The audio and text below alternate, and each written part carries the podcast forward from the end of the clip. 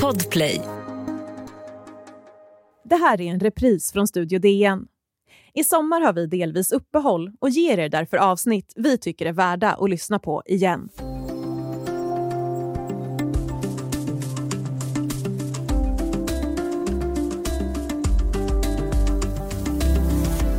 Du står där och svär över att avfallsbehållaren är proppfull, men du fortsätter att gå dit med papper, glas, metall och plast.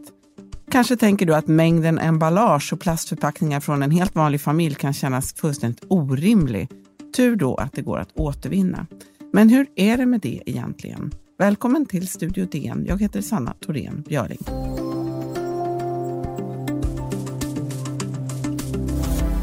Ja, plast är ett syntetiskt material som består av polymerer.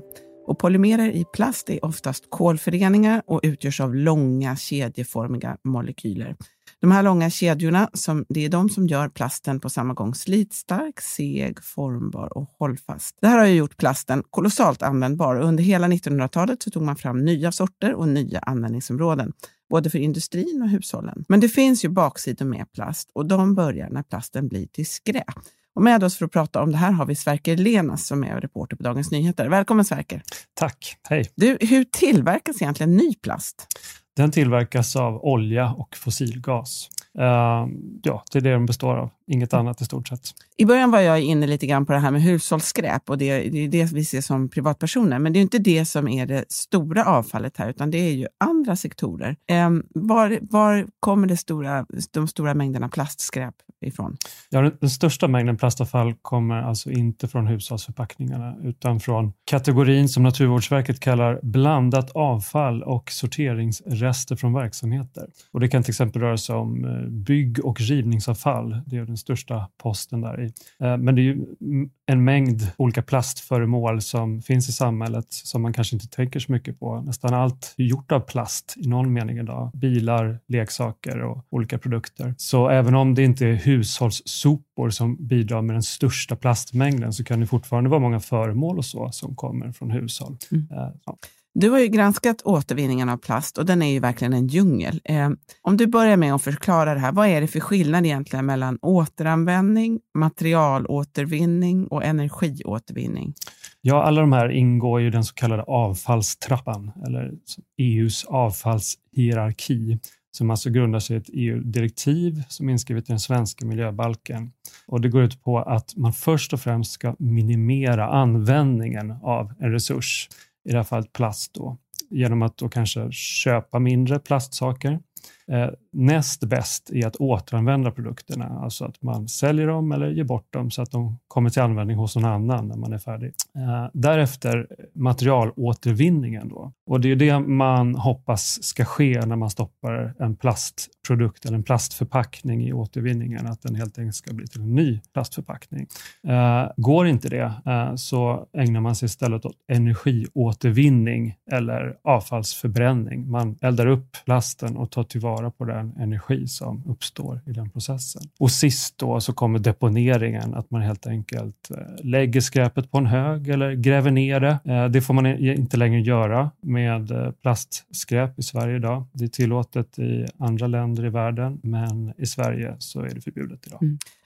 Av de här kategorierna som du nämnde här, vilken är störst? När det gäller plast så är energiåtervinningen då överlägset störst. Nästan all plast kan man säga energiåtervinns idag, alltså eldas upp.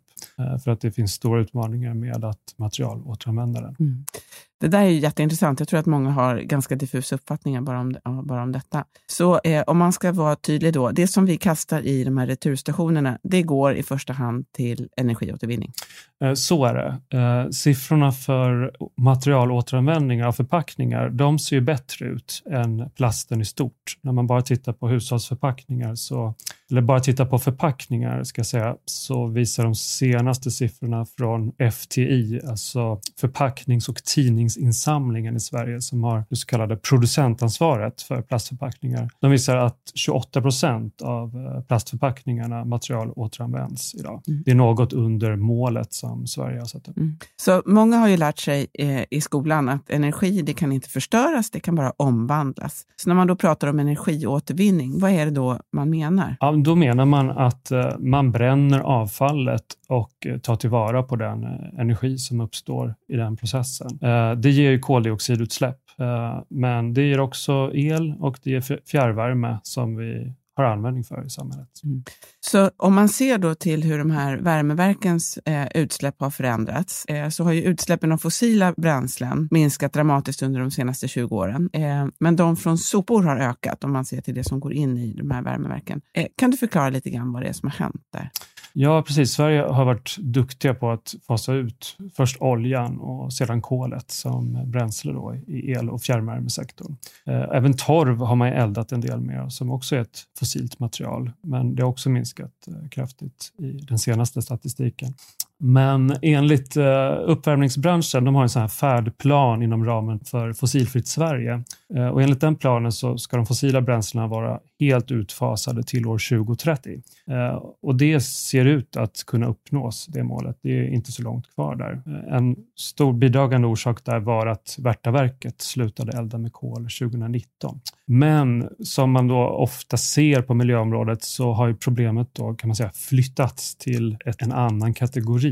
För vad man istället har gjort är att öka eldningen av plastavfall som egentligen då bara är fossila bränslen i en annan form. Så när energiföretagen då idag utlovar en fjärrvärme som snart ska vara fossilfri så kan man säga att det ja, åtminstone är en skönmålning eftersom plast då är gjort av fossila bränslen och eh, plasteldningen har ökat eh, trefaldigats då de senaste 20 åren. Mm. Det här är jätteintressant. Vi ska alldeles strax prata mer om minskade koldioxidutsläpp, återvinning och vad som ska räknas som vad.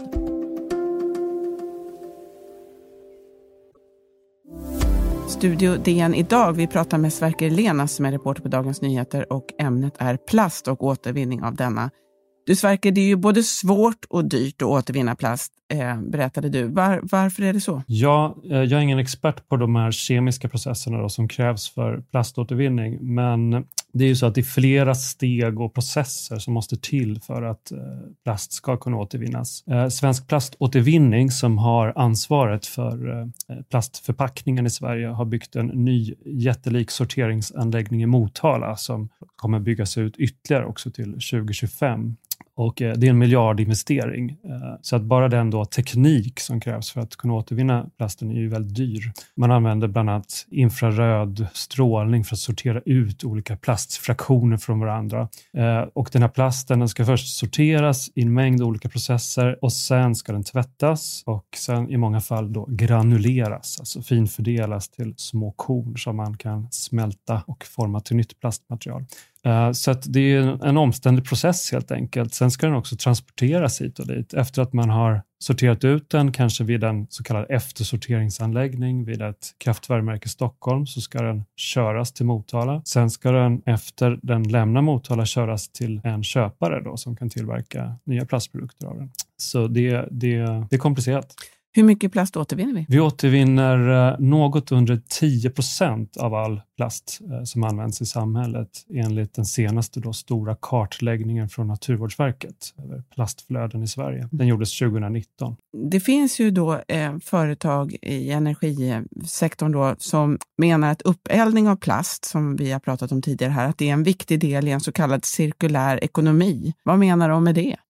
Ja, men vad tror att du menar? Att när det inte finns någonting kvar att göra med plastavfallet så återstår ju i alla fall att man kan utvinna energin ur det. Eh, och så är det ju. Då får man eh, el eller fjärrvärme av att elda upp plasten. Sedan kan man ju diskutera då hur, hur eh, pass cirkulärt det hela är eftersom cirkulärt i vanliga fall handlar om ett kretslopp av material där resurser bevaras då och inte eldas upp. Eh, här handlar det om att indirekt elda olja eller fossilgas som eh, ger koldioxidutsläpp och eh, det kanske inte alla hållbarhetsforskare som skulle kalla det cirkulärt. Du var inne på det också, 2030 ska alla el och fjärrvärmeverk och kraftvärmeverk ha slutat elda med fossila bränslen. Men plastförbränningen räknas inte dit. Eh, varför har det blivit så tror du? Ja, det är en jättebra fråga.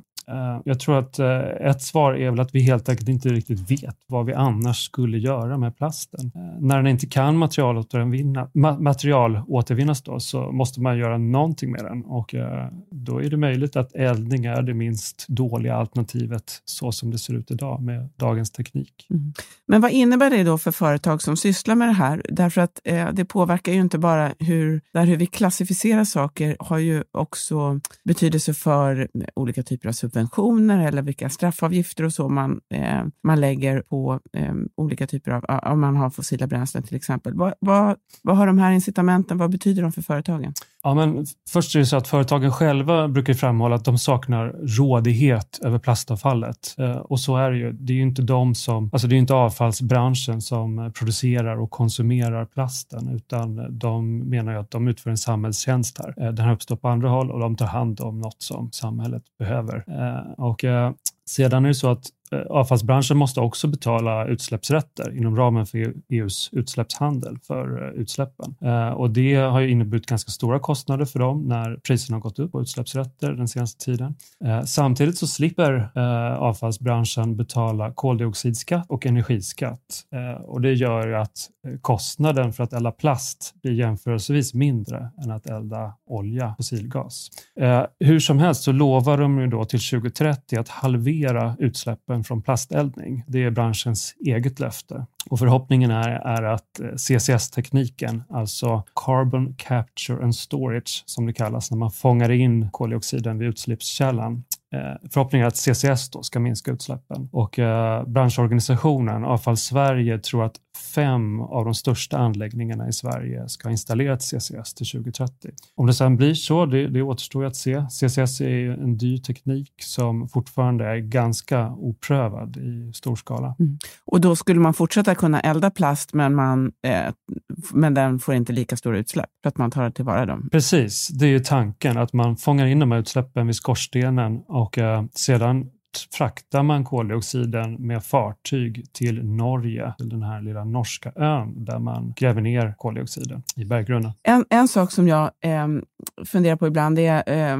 som det rapporteras om, är att man kanske skulle kunna återvända mer sån här materialåtervinning om, man, eh, om produkter var designade på ett annat sätt. Alltså att det, ligger, att det är ofta väldigt svårt att plocka isär eh, produkter. Hur viktigt tror du att det där är och att man på längre sikt kan börja eh, materialåtervinna mer därför att sakerna blir lättare att plocka isär? Jo, men det är säkert en nyckel för att idag är det ju väldigt svårt att återvinna till exempel laminat när plasten ligger i flera skikt som består av olika sammansättningar. Det är en stor utmaning så att uh, man kan ju hoppas att det kanske kan komma politiska styrmedel som gör återvinningen av plast mer lönsam jämfört med att tillverka plast av ny råvara. Mm. Uh, det tror jag kanske är vad branschen skulle behöva för att lyckas minska utsläppen och, och vad man också hör när man uh, pratar med röster därifrån. Mm. Samtidigt så får man säga att det är en utmaning så som den petrokemiska industrin ser ut och satsar idag globalt sett.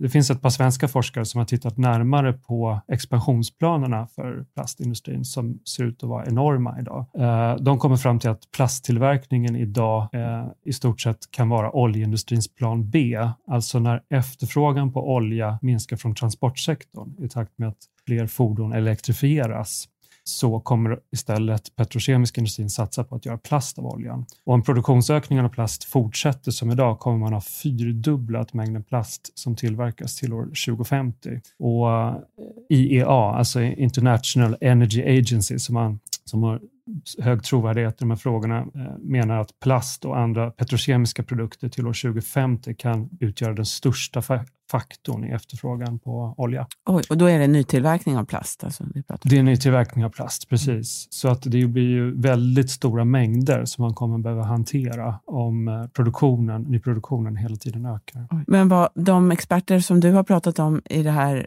ämnet, vad, vad ser de? Ser de det här som en trolig utveckling 2050 är ju inte så fasansfullt långt bort ändå. Det är några decennier och det är enorma mängder. En trolig utveckling att, man, att det fortsätter att produceras mycket plast, mm. ja det, det, verkar man, eh, det verkar man tro eftersom det finns fortfarande då många så kallade omättade marknader i världen där eh, plasten inte är så framträdande i olika produkter och eh, ja, där kan de kan fyllas med fler plastprodukter. Mm. Och kommer vi fortsätta elda så mycket tror du? Uh, ja, uh, säg det. Alltså, som det ser ut nu så, kommer, så importerar ju Sverige plastavfall från eh, andra länder. Norge och Storbritannien framför allt. Eh, men inom EU finns också planer på att all deponi av plast ska fasas ut och eh, det innebär, många tror att det kommer krävas väldigt många nya kraftvärmeverk som helt enkelt avfallsförbränner plast för att det ska lyckas. Eh, så om den utvecklingen fortsätter kommer man elda mer plast framöver och då vill det till att den här CCS-tekniken i så fall fungerar. Mm.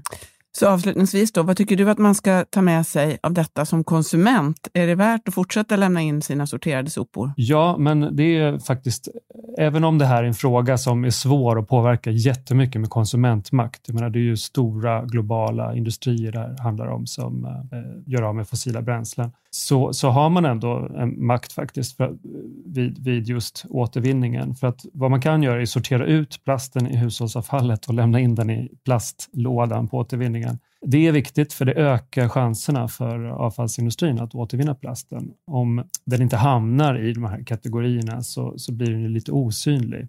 Förvisso är det så att man bygger ut sådana eftersorteringsanläggningar just för att konsumenter är slarviga idag och slänger kanske hälften av plasten i soporna. Men de lyckas inte sortera ut allt. Eh, de missar en hel del. Eh, och det är också så att slänger man plasten i soporna så eh, har den en tendens att försvinna lite i statistiken. Så att sortera ut plasten är faktiskt inte förgäves trots allt. Det ökar möjligheterna att återvinna mer plast i framtiden. Då fortsätter vi med det. Stort tack för att du var med idag Sverker. Tack. Om du vill kontakta oss så går det bra att mejla till studiodn Kom också ihåg att prenumerera på Studio DN där du lyssnar på poddar så missar du inga avsnitt. Studio DN görs för Podplay av producent Sabina Marmelakai, ljudtekniker Patrik Miesenberger och teknik Oliver Bergman, Bauer Media. Jag heter Sanna Thorén Björling.